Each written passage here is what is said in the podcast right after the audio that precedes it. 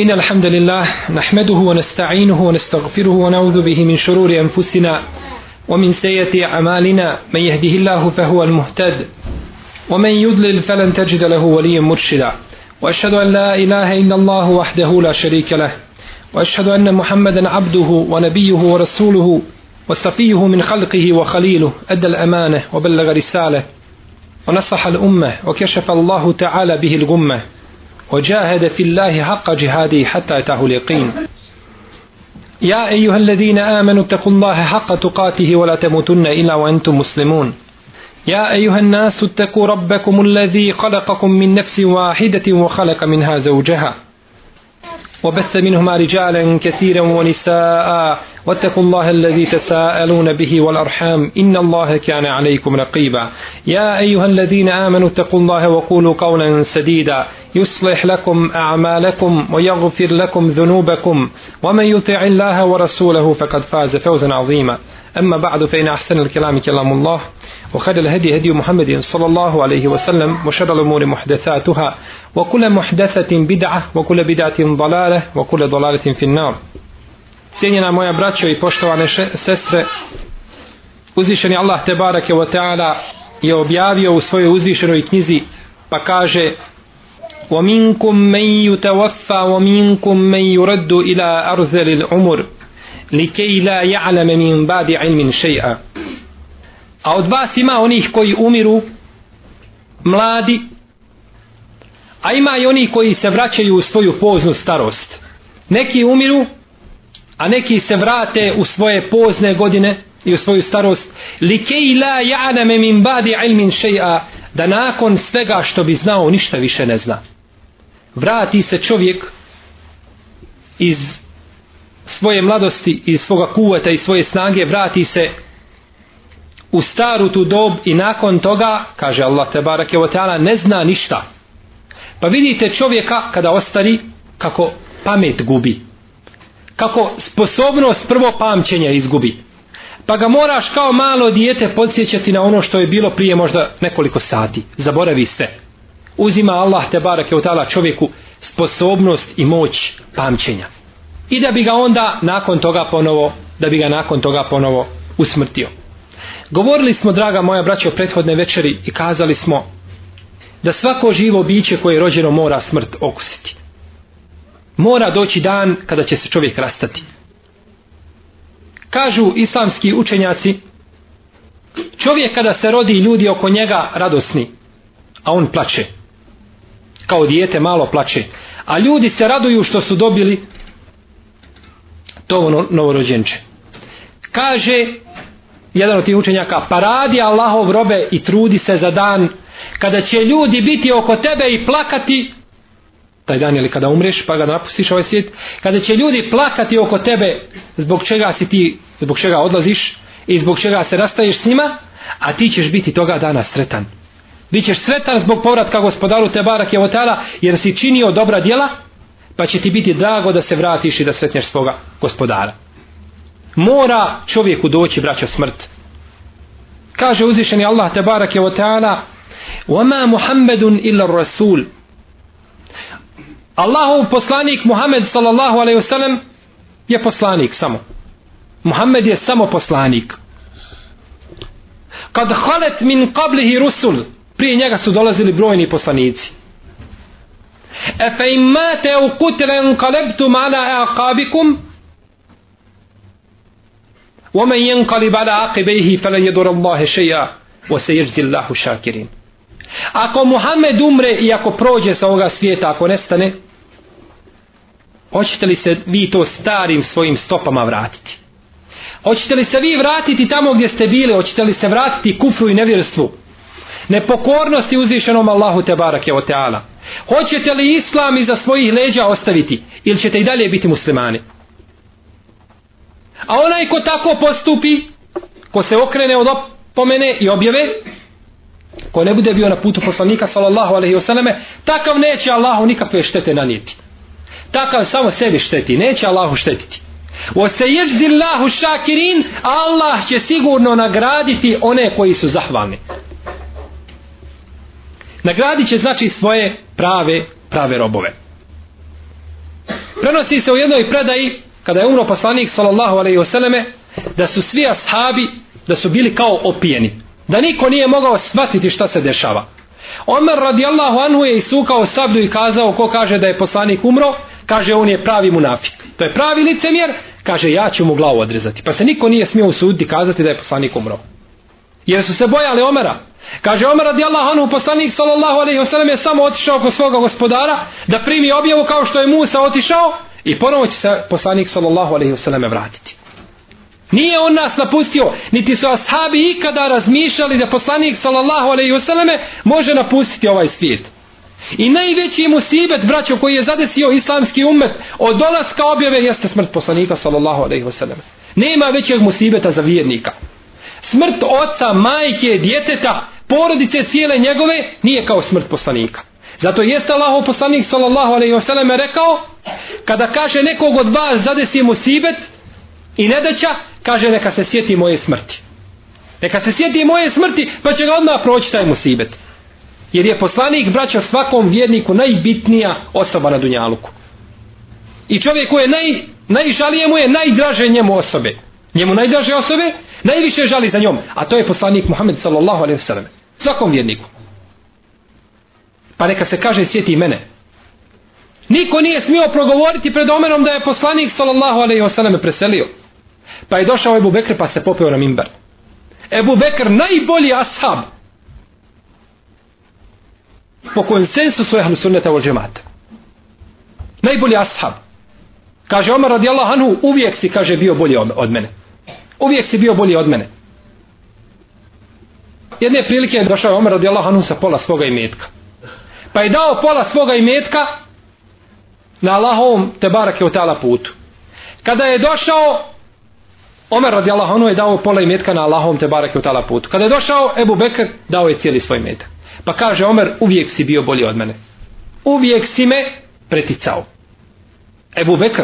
Ebu Bekr koji je bolji i od Hadira i od Zulkarnejna.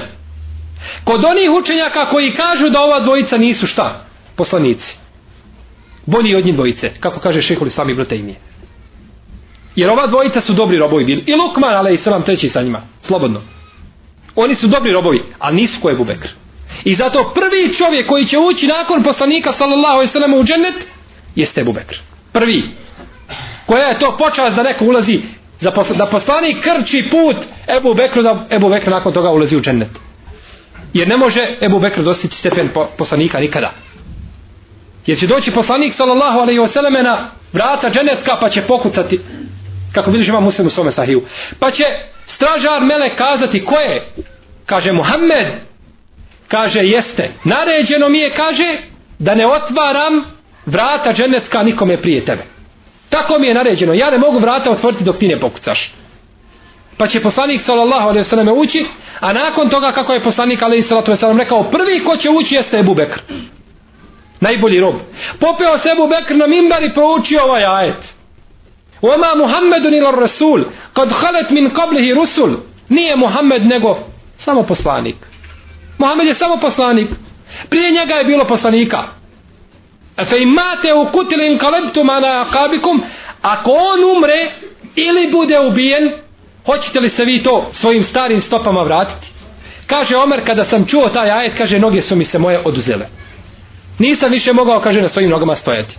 Kao da ga prvi put čujem, kao da nikad nisam znao da je taj ajet objavljen. Nikada nisam znao da Allah te barak je otala ukazuje da bi poslanik mogao da umre. Smatrali su braću da je poslanik sallallahu alejhi ve selleme da će vječno ostati među njima. Jer nisu mogli živjeti bez poslanika sallallahu alejhi toliko su ga voljeli. Možete misliti kakva je to bila ljubav prema poslaniku sallallahu alejhi kada bi se abdestio poslanik, ruke bi svoje stavljali ispod i vodu tu hvatali i po svome tijelu mazali. Kada bi poslanik pljunuo, ne bi ta pljuvačka pala nikad na zemlju. Prije bi je neki od njih uhvatio i po svome tijelu je mazao. Jer je to mu barek pljuvačka. I to vredi isključivo, isključivo za poslanika sallallahu alaihi sallam. Da je njegova pljuvačka mu barek i sve i stavi on bio mu barek. Prenosi se od istima kada bi ga šišao, kada bi se poslanik sam šišao, da bi oni držali svoje ruke da bi hvatali te dlake koje padaju. nijedna dlaka ne bi na zemlju pala. Najviše su voljeli Allahovog poslanika. No međutim, i pored toga, mora doći dan da poslanik sallallahu alejhi ve selleme napusti ovaj dunjaluk. Inneke mejitun wa innahum mejitun. Ti si smrtnik i sigurno i zacijelo ćeš umrijeti, moraš. A i oni su smrtnici, oni će umrijeti. I njima će doći dan kada će, kada će umrijeti.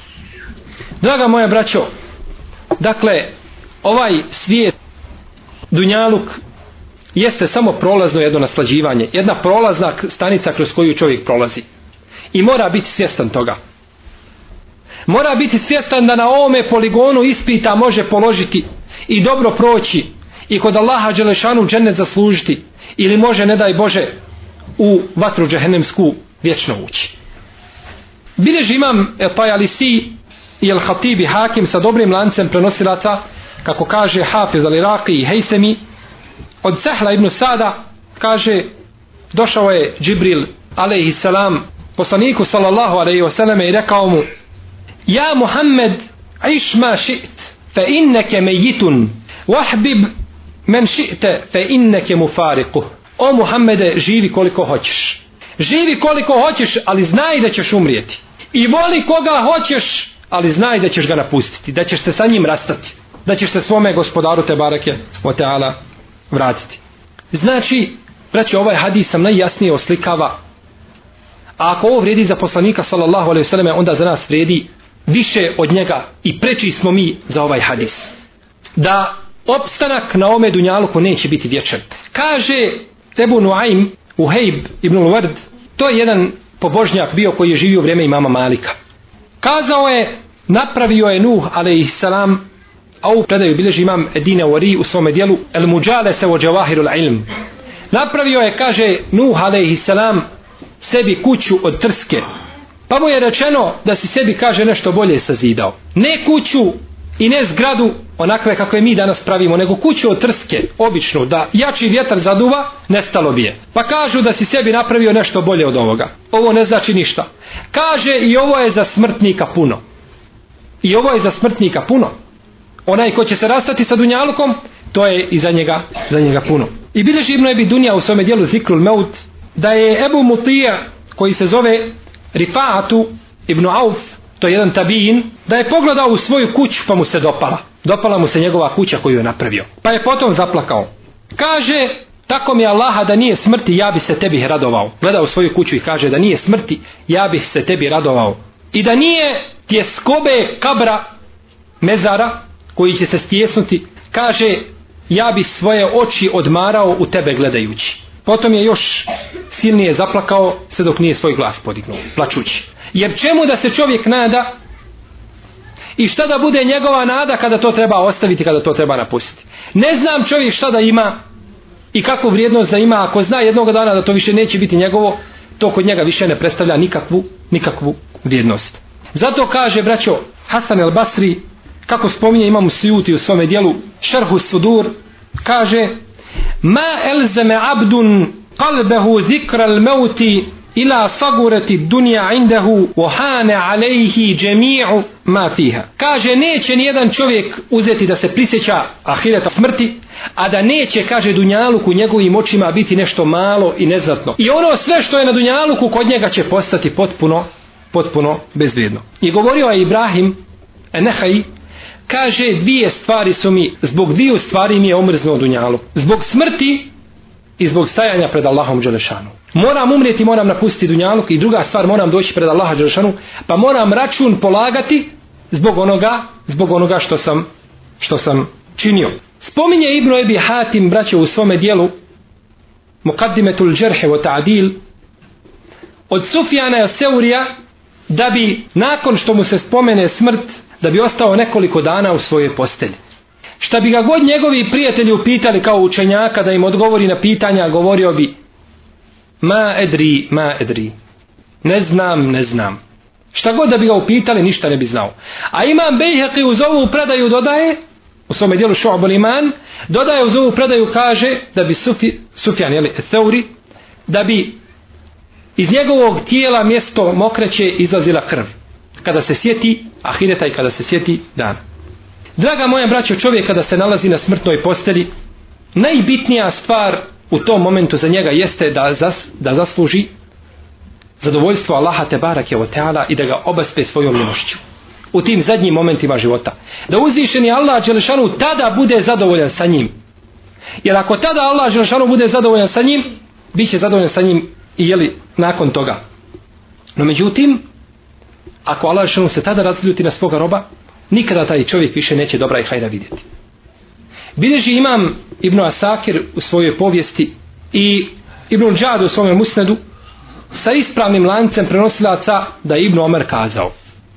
Kaže kada je babo, to jest Omer od Anu, kada je izboden nožem, nakon toga on je svoju glavu stavio, kada su ga unijeli u kuću, stavio je svoju glavu, to, jest, to, nije, to nije bilo neposredno nakon samog uboda, nego znači u tim danima kada je bolovao od tih uboda, nakon čega je podlagao, radi Allahu anhu, kaže stavio je svoju glavu na moje stegno. Kaže pa je nakon izvesnog vremena rekao, kaže spusti moju glavu na zemlju spusti moju glavu na zemlju. Pa je rekao Ibn Omar, kakve veze ima? Bila na mome stegnu ili na zemlji? Šta smeta? Pa je kazao Omar radijallahu anhu, dahu ale lard, la ummelek. Kaže, spusti moju glavu na zemlju, majke ne imao. U arapskom jeziku la ummelek je jedan ukor kojim se ne želi spoljašnje značenje. Kao majke ne imao, a, to je jedan ukor, ali se ne želi time da majka nekoga umre i slično tome, već je jednostavno stvar radi se o ukoru. Kaže spusti kaže na moju glavu na zemlju majke ne imao. Kaže pa sam spustio njegovu glavu kaže pa je rekao kaže teško mi se i teško se kaže mojoj majici ako mi Allah Želešanu ne oprosti. Teško se meni i teško se moje majici ako Allah te barake o tala meni se ne smiluje iako je uzvišeni Allah te barek o preko svoga poslanika obavijestio da je omer stanovnika dženneta da je to drugi čovjek u umetu Muhammeda sallallahu alaihi sallame, no međutim, na smrtnoj posteli, on se boji, jer zna da ono što dolazi u kaburu i nakon kabra da je to sve, biva sve teže i teže i da treba Allahu te barake od tala položiti račun za ono što je čovjek radio. U drugoj predaji koju bilježi Ibn Sad u Etabakatul Kubra i Ibn Asakir isto u svojoj povijesti, kaže se da je Osman ibn Affan ušao kod Omara u tom momentu. Pa je vidio njegovu glavu na zemlji u stvari u pjesku da je on svojim nogama se odupirao i svoju glavu gurao u pjesak pa ga pitao pa ga je upitao Osman radijallahu anhu zbog čega to činiš? Pa kaže činim to i teško mi se i teško se moje majici ako mi to Allah, ako mi Allah Žešan ne oprosti i to je dva puta ponovio gurajući svoju glavu u pjesak iz poniznosti prema Allahu Đelešanu i želeći da zasluži Allahu Đelešanu e, da zasluži Allahovu milost i njegovo zadovoljstvo u tim dadnim, u zadnjim momentima života. I bilježi braćo Ibn Ebi Dunija od imama Euzaje da je Omer ibn Abdulaziz rekao ma je surruni en yuhaffefe anni sakaratul meuti lijenehu akhiru ma yu'jaru alayhi il muslim kaže ja ne želim da mi Allah Đalešanu olakša moje smrtne muke ne želim da mi Allah olakša moje smrtne muke jer je to kaže posljednje zbog čega čovjek biva nagrađen na Dunjaluku. Pogledajte braćo ovoga razmišljanja čovjek u zadnjem momenti, njemu je u zadnjim momentima života najbitnije da zasluži Allahovo zadovoljstvo i da ima što više dobrih dijela, da se vrati Allahu Đelšanu sa što više dobrih dijela. Pa zato na smrtnoj posteli kaže ne želim da mi se olakšaju moje muke. Jer ću za te muke biti nagrađen. Za nije poslanik sallallahu alaihi sallam rekao da muslimana neće ni trn jedan ubosti, a da zato neće biti nagrađen. A on hoće da se njemu njegove smrtne muke povećaju, odnosno da mu se ne umanjuju i da bude nagrađen kod Allaha Đelešanu za to što je, što je to jeli, trpio i što je bio saburli na smrtnoj postelji. Jer čovjek kada umire, što god mu se povećava i vrše ovaj, smrte muke, imaće, imaće veću nagradu. I nekad Allah žanu hoće čovjeka da ga na, na smrtnoj postelji da ga očisti od grijeha. Na Dunjaluku možda nije bio onakav kakav je trebao biti, pa je ostalo nešto od njegovih grijeha sa njim, pa hoće Allah te barak je utala na smrtne muke da mu poveća i da ga očisti time od grijeha, da bi time došao na sudnji dan, na sudnji dan bez, bez grijeha kažemo braćo iskoristiti to vrijeme na smrtnoj postelji. čovjeka kada bi tada upitao šta ti je sada najdraže, bila bi mu draža dva rekiata nego cijeli dunjaluk vjernika kada bi upitao. Nego cijeli dunjaluk. Možda će ponekad u svome životu biti spreman da izgubi vremena i vremena. Neće mu ništa značiti i neće mu smetati da provede sahat i po vremena gledajući futbalsku utakmicu na televiziji i gubeći vrijeme. Ili zabavljajući se na bilo koji drugi način. Gubit će svoje vrijeme. Ali na smrtnim mukama tada će mu svaka sekunda puno značiti. Kazao je poslanik sallallahu alejhi ve selleme u hadisu koga bilježi imam Hakim Ibn Abi Šejbe i drugi sa ispravnim lancem prenosilaca iskoristi pet stvari prije drugih pet. Iskoristi pet prije nego što te zatekne i što te ne snađe drugih pet stvari. Iskoristi svoju mladost prije starosti. I iskoristi svoje zdravlje prije bolesti. I svoj imetak, svoje bogatstvo prije siromaštva. I svoje slobodno vrijeme prije zauzetosti.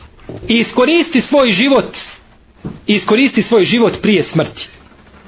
Pet stvari prije drugih pet. Jer prvih pet stvari su svako dobro i svaki hajde za čovjeka. No međutim kada ga snađe oni drugih pet onda mu je uskraćeno da čini ono čime može zaslužiti milost uzvišenog Allaha te barake o teala. Draga moja braćo, čovjek koliko god da mrzio smrt. I to je priroda čovjeka da mrzi i da se boji smrti. Bolje kaza da se boji smrti. Ne smije ga šeitan prevariti u zadnjim momentima svoga života pa da zamrzi susret sa Allahom Đelešanom. kazala Ajša radijallahu anha da je poslanik sallallahu alejhi ve sellem rekao ko zamrzi susret sa Allahom Allah će zamrziti susret sa njim pa je Ajša tada odgovorila poslaniku sallallahu alaihi wasallam Allahov poslaniče, pa mi svi mrzimo smrt bojimo se smrti. Pa je kazao poslanik nije to. Već kaže vjernik kada umire čovjek kada umire na smrtnoj posteli Allah mu prikaže mjesto koje će mu biti gdje će mu gdje će boraviti. Pa vidi meleke koji dolaze ili meleki rahmeta ili meleki azaba dolaze mu pa ih vidi. Pa ako čovjek u tom momentu zamrzi vidi Allah Žešanu čovjeku pripremio mjesto u džehennemu i kada vidi to mjesto tada zamrzi povratak Allahu ne voli da se vrati Allahu E Allah tada završi, zamrzi povrat da se on vrati njemu. Ali pored toga on će se vratiti i kaznu imati. No međutim, Allah zamrzi u smislu da će ga kazniti. A vjerniku kada Allah Žešanu pokaže mjesto gdje će boraviti, onda voli, onda voli povratak Allahu. Zar nije vjernička duša kada se stavi na tabut, viče, požurite sa mnom. Požurite sa mnom što prije. Jer ja odlazim sa ovoga prolaznog svijeta u vječna uživanja. A nevjernik kada ga ponesu kaže kuda me to nosite, kuda ćete sa mnom? Ne voli da se vrati Allahu. Jer je vidio mjesto koje će mu pripasti i vidio je džehennem i vidio je džehennemsku patnju. Dok vjernik čovjek je vidio Allahovo zadovoljstvo i njegovu milost, pa onda ovaj dunjaluk i sve što ima na njemu, to više za njega ništa ne znači, već onda želi da se vrati svome gospodaru. E tada ko zamrzi povratak Allahu, Allah mrzi njega i, kaznje, i kažnjava će ga. A onaj ko voli povratak svome gospodaru i ko zavoli da se vrati svome stvoritelju i Allah te barak je otala će voliti da se vrati njemu. Bileži Ibnu Asakir u svoje povijesti od bileži da je Mervan Ibn Abdul Melik, to je jedan islamski vladar koji je bio koji je živio u vrijeme ashaba i tabina da je ušao kod Ebu Hureyre a Ebu Hureyre se nalazio na smrtnoj postelji Ebu Hureyre se nalazio na smrtnoj postelji Pa je kazao Allah te izliječio. Allah te izliječio. Pa je kazao Ebu Hureyre radijallahu anhu Allahumme inni uhibbu liqa'ek. Gospodaru moj kaže ja volim da s tebe sretnem. Volim susret sa tobom. Fa uhibbe liqa'i i voli i ti gospodaru moj susret sa mnom. Pa nije ovaj Mervan ovaj vladar nije ni izišao od Ebu Hureyre a on je već preselio.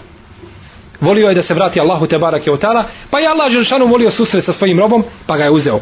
A Ebu Hureyre je braćo ashab, koji je najučeniji u sunnetu poslanika, sallallahu alaihi wasallam. On je taj koji je najbolje poznavao sunnet.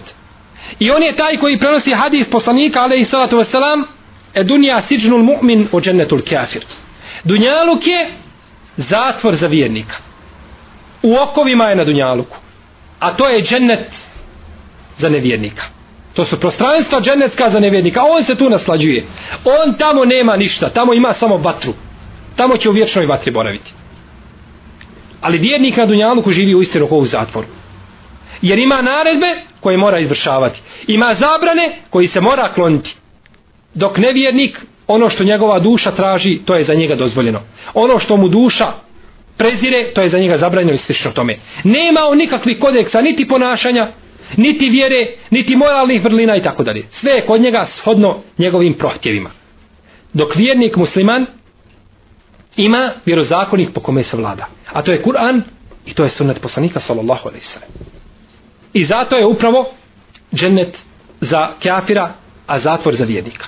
Ali zato će na sudnjem danu džehennem biti zatvor za nevjernika, a džennet će biti džennet i bit će pravo uživanje za, za vjernika. Kazao je Ibnu Mesa'ud radijallahu anhu, kako bilježi Ibnu Mubarek sa ispravnim lancem prenosilaca, Lejsa lil mu'mini rahatun dune lika ilna. Nema vjerniku rahatluka i smiraja dok se ne vrati svome gospodaru. Kada se vrati svome gospodaru, tada će se smiriti. Jer je Allah Žršanu stvorio čovjeka ovdje da bi radio, a da bi tamo negdje bio nagrađen. Pa ko traži nagradu za ono što čini na Dunjaluku, nikada je neće dobiti. Jer se nagrada dobija na drugom mjestu, nije ovdje. Nije ovdje, znači na Dunjaluku. I zato je upravo džennet za kafira, a zatvor za vjernika. Ali zato će na sudnjem danu džehennem biti zatvor za nevjernika, a džennet će biti džennet i bit će pravo uživanje za, za vjernika. Kazao je Ibn Mes'ud radijallahu anhu kako bilježi Ibnu Mubarek sa ispravnim lancem prenosilaca Lejsa lil mu'mini rahatun dune lika ilna Nema vjerniku rahatluka i smiraja dok se ne vrati svome gospodaru. Kada se vrati svome gospodaru, tada će se smiriti. Jer je Allah Đeršanu stvorio čovjeka ovdje da bi radio, a da bi tamo negdje bio nagrađen. Pa ko traži nagradu za ono što čini na Dunjaluku, nikada je neće dobiti. Jer se nagrada dobija na drugom mjestu, nije ovdje. Nije ovdje, znači na Dunjaluku. I kazao je Mesruk Ibn Leđda, kaže, nema ni jedne stvari vjerniku bolje od kabura. Odnosno, kabura je onoga što je nakon kabura. Kaže, kada uđe u kabur, u taj svoj lahd, kaže, siguran je od Allahove kazne i miran je od dunjalučkih iskušenja. Neće ga zadesiti, zadesiti dunjalučka iskušenja i neće ga zadesiti kaburski azab i kaburska patnja. I kazao je poslanik sallallahu alejhi ve selleme kada je čuo za jednog čovjeka da je umro, mustarihun au mustarahun minhu. Kaže ili će se on odmoriti ili je bio pravi vjernik, dobar mu'min, pa će se odmoriti u kaburu, to je za njega počast i to je za njega uživanje, ili mu starahun minu, ili ćemo se mi odmoriti od njega, od njegovog zla. Mi ćemo se odmoriti od njega i od njegovog zla i od onoga što je on činio, ako nije bio, ako nije bio dobar. Dakle, braćo, da čovjek završi na smrtnoj postelji, da ima lijepu konačnicu, to je ono čemu teži vjernička duša. I to je ono bez čega nema čovjek uspjeha nakon toga. Da lijepo završi na svojoj smrtoj postelji. Pogledajte, braće, samo u priču Ebu Zura Razija, to je jedan veliki islamski učenjak, koji je nalazio se na smrtnoj postelji pa su došli neki njegovi prijatelji da mu čine telkin. Telkin se čini prije smrti. Da ga postiču da izgovori la ilaha illallah. Kada su došli kod njega počeli su govoriti jedan drugom šaptati kaže znaš li koji hadis a on je bio jedan veliki muhadis i hadijski stručnjak kaže znaš li koji hadis koji posjeće na telkin? Pa je rekao ovaj jedan znam ja hadis koji posjeće na telkin. A to je Ebu Zura je čuo priču njih dvojice. Pa Ebu Zura kazao pričao mi je taj i taj od toga i toga od toga i toga od toga i toga pa je spomenuo lanac prenosilaca kaže da je poslanik sallallahu alejhi ve sellem rekao ući će u džennet onaj čije zadnje riječi budu la ilaha illallah i potom je ispustio svoju dušu. Pogledajte, braće, šta znači ovo. Prenosio je, prenio je, pogledajte šta znači sunnet poslanika i šta znači poučavati se sunnetu. Prenio je hadis i spomenuo lanac prenosilaca i kaže čuo sam od ashaba da je poslanik sam sam rekao ući će u džennet onaj čije zadnje riječi budu la ilaha illallah pa je on zadnje riječi la ilaha illallah izgovorio i potom svoju dušu ispustio. Pogledajte braćo lijepog završetka i lijepe konačnice. Ko ne želi da tako završi da se tako vrati svome gospodaru te barake o. Neka su naša braća tražila da da im ponovimo neke primjere koje smo spominjali na ovogodišnjoj bajramskoj hutbi, jer nisu bili mnogi nisu bili prisutni na toj hudbi. Pa ćemo ukratko ponoviti nekoliko primjera koje smo spomenuli a koji se dotiču ove naše teme o kojoj govorimo. Dotiču se braćo teme koja se odnosi na lijepu konačnicu. Da čovjek lijepo završi i da se vrati svome gospodaru Tebarak je otala da je on sa njim zadovoljan a je on zadovoljan sa nagradom svoga gospodara. Spominje imam Ezehebi u Sijeru Sijeru Alaminu Bela da je Ibnu Abbas radijallahu anhu kada je umro kada je preselio kada su ga spustili u njegov kabur kažu došla je ptica iznad jednog kabura. Iznad tog njegovog kabura došla je ptica koja je učila Kur'an. Kada su stavljali čerpiće na njegov lehd i zatvarali znači njegov kabur ta je kaže ptica ušla u kabur i proučila je ja ejetuha nefsul mutmainne irđi'i ila rabbiki radijetem mardije fedhuli ti ibadi odhuli dženneti o dušo smirena vrati se gospodaru svome zadovoljna a i on tobom zadovoljan. I uđi među robove moje i uđi u džennet moj. Kaže ravija hadisa pa je kaže ptica izišla kaže i otišla. A kaže tako nam Allaha ne znamo ni odakle je došla ni kuda je otišla uzvišeni Allah te barake od je poslao pticu da prouči ajet i da obraduje Ibnu Abbasa i sve koji su prisutni da je taj čovjek imao lijepu konačnicu. S jedne strane i da podstakne sve druge vjernike s druge strane da rade ono što je radio Ibnu Abbas. Da rade dijela Ibnu Abbasa pa da završe kao, kao Ibnu Abbas. I bileži braćo imam Ibn Sad u svome dijelu je Tabakatul Kubra, imam El Bejheqi u svome dijelu Šu'abul Iman, od Allah Ibn Al-Hadremi, jednog sahaba, koji je poginuo kao šehid u jednoj bitci. Kada su ga ukopali, došao je jedan nepoznat čovjek i kazao im, nemojte, kaže, ukopavati njega, kaže, u ovu zemlju. Nemojte ga ukopavati u ovo mjesto.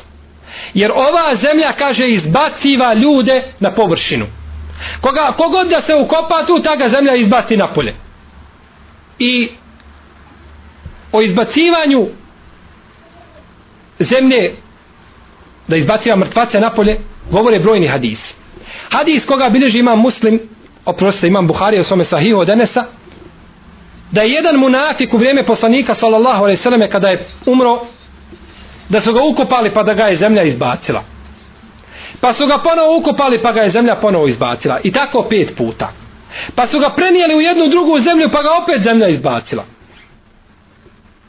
Ne prihvata zemlja munafika. Jer je to nečist. Pa ga ne prihvata. Ne prihvata zemlja onoga koja je nepokoran Allahu Đelešanu. Pa su ga prenijeli u drugo mjesto pa ga opet izba Pa su ga onda spalili u vatri. Spalili ga da ga nema nikako. Jer takav je kažen na Dunjaluku sa vatrom, a bit će kažen i u vatri džehennemskoj. Kazao je taj čovjek, nemojte ga, kaže, ukopavati u ovu zemlju, kaže, ova zemlja izbaciva mrtvace. Pa su kazali, ostavit ćemo ga do sutra. Ostavit ćemo ga do sutra, pa ćemo se vratiti da vidimo šta se desilo. Kada su se vratili sutradan, odlučili su da iskopaju kabur. Kada su iskopali kabur i zemlju izbacili mimo kabra, otvorili su njegov lahd, one čerpiće, a to je činio Enes ibn Malik radijallahu anhu. Kada su otvorili to, kaže Enes, tako mi Allaha, kaže, vidio sam svjetlo u kaburu kako nikada prije toga nisam vidio. I kaže, pogledao sam, kaže, u taj lahdu daljinu i kaže, vidio sam, kaže, da je kabur, kaže, širok, odnosno dug, koliko, kaže, dopire moj pogled. Dokle dopire moj pogled, kaže, pa sam zatvorio to i rekao, kaže, ostavite ga. Allah te barak je ta'ala, kaže, je osvjetlio kabur tome čovjeku. To je njemu nagrada zbog onoga, zbog onoga što je činio. Pa poginuti kao šehid na Allahovom putu je najveće dijelo. I to je najljepša konačnica koju čovjek može doživiti na na ome svijetu. I bileže, braćo sabirači sunena da je Sad ibn Muaz to je jedan poznati ashab Ensarija za koga kaže Ibnul Kajim da je on kod Ensarija ono što je Ebu Bekru kod Muhađira kada se spomene Sad ibn Muaz među Ensarijama to je kao kada se spomene Ebu Bekr među Muhađirima. Kada je umrao Sad odnosno kada je bila bitka na Ahzabu njega je pogodila strela pa je krvario. Pa su ga odnijeli u jednu obližnju kuću gdje se liječili ranjenici. Četiri dana je tako boravio i nije njegove ga rane nisu prolazile pa je umro.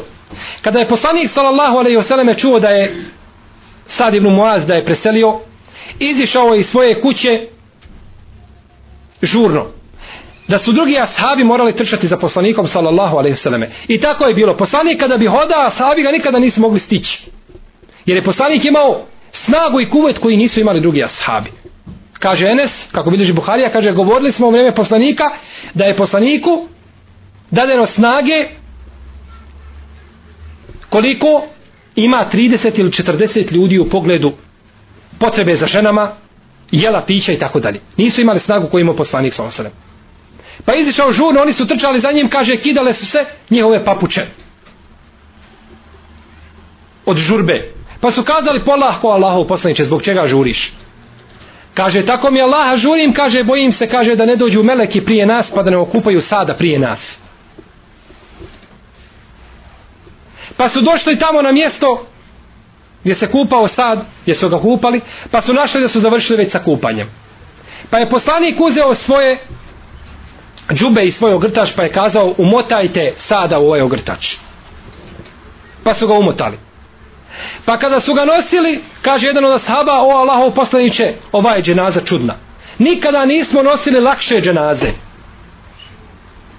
Što nikako ne ukazuje, braćo, da ako je dženaza teška, da taj čovjek nije bio dobar. A ako je dženaza lagana, da je taj čovjek dobar. Ovaj hadis ne ukazuje na to. Ovo je posebno za sada ibn Muaza.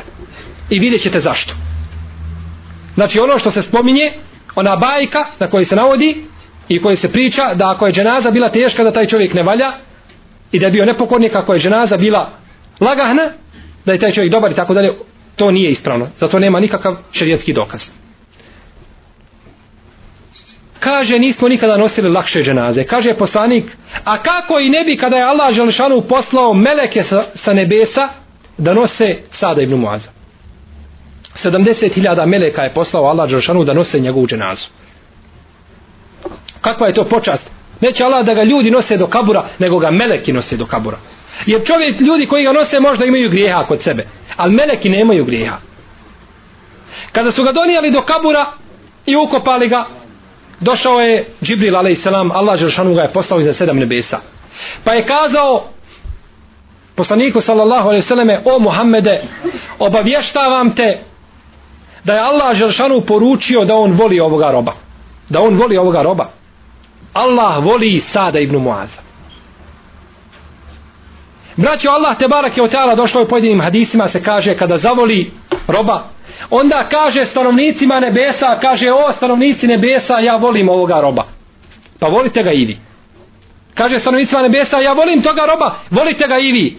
Pa ti stanovnici nebesa dođu na zemlju pa kažu stanovnicima zemlje o ljudi toga i toga voli Allah i mi ga volimo i vi ga volite. Pa ga onda svako zavoli.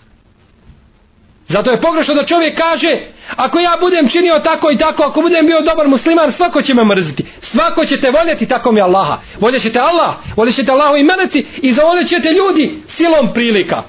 Oni to neće, ali moraju, jer je to od Allaha Đelšanu njima naredba.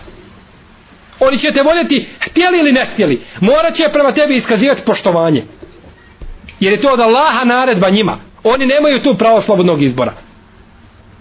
I onaj koji te najviše mrzi možda će doći jednog dana i tražiti od tebe halala. Jer je to po Allahovoj odredbi. Zato se čovjek ne treba ustrušavati, ne treba se misliti da li treba biti dobar muslimat i vjernik. Taman čitav svijet stao na jednu stranu, to njega ne treba da zanima. Inne Ibrahime kane ummeten, Ibrahim a.s. Jedan čovjek je bio ummet. Vidite, sav narod koji živi u njegovo vrijeme, rasturena prašina. Nikakve vrijednosti kod Allaha nemaju. A kaže Allah Žešano za Ibrahima da je Ibrahim sam jedan umet, jedan narod. Ibrahim vrijedi kao skupina, kao milioni ljudi. Jer je vjernik. Jer se mjeri sve po imanu i po snazi, po kuvetu imana. A ne vjeri se ništa po fizičkom izgledu. Pa kaže ovdje Džibril alaih salam Muhammede Allah voli toga roba. Volite ga i vi. I kaže Džibril a.s. O Muhammede u istinu se arš uzvišenog Allaha te barake o teala potresao i zadrmao zbog smrti zbog smrti Sada ibn Muaza. Arš Allahov Đeršanu. To je, braćo, najveće Allahovo stvorenje. Arš. Nema većeg stvorenja od Arša. Sva stvorenja koja je Allah stvorio i nebesa i zemlja ne predstavljaju prema Aršu ništa. Kursija na kojoj se nalazi Arš Kursija na kojoj se nalazi Arš je u odnosu na nebesa i zemlju odnosno bolje kazati nebesa i zemlja u odnosu na kursiju su kao jedna mala halka jedan prsten koji je bačen negdje u pustinji da se ne vidi, ne zna se za njega nikako tako izgledaju nebesa sedam nebesa i zemlja i sunce i sve što je u ovome našem ovdje svodu i na našem nebu tako izgledaju u odnosu na na šta? na kursiju a kursija u odnosu na arš izgleda kako nebesa i zemlja izgledaju u odnosu na kursiju. Kursija u odnosu na arš je kao jedna mala halka koja je bačena u pustinju da se za nju nikako ne zna. Možete misliti koliko je to stvorenje. I šta znači kada se to najveće stvorenje uzdrma? Što mislite kada bi se zemlja uzdrmala zbog smrti nekoga? Kakav bi to događaj bio? I o tome bi se sigurno u istoriji pisalo i nijedna knjiga istorije ne bi ostala da se to ne bi zabilježilo. I jedno brdo kada bi se uzdrmalo, to bi se zabilježilo. Nikad se to ne bi zaboravilo. A šta mislite kada se arš najveće Allahovo stvorenje uzdrma?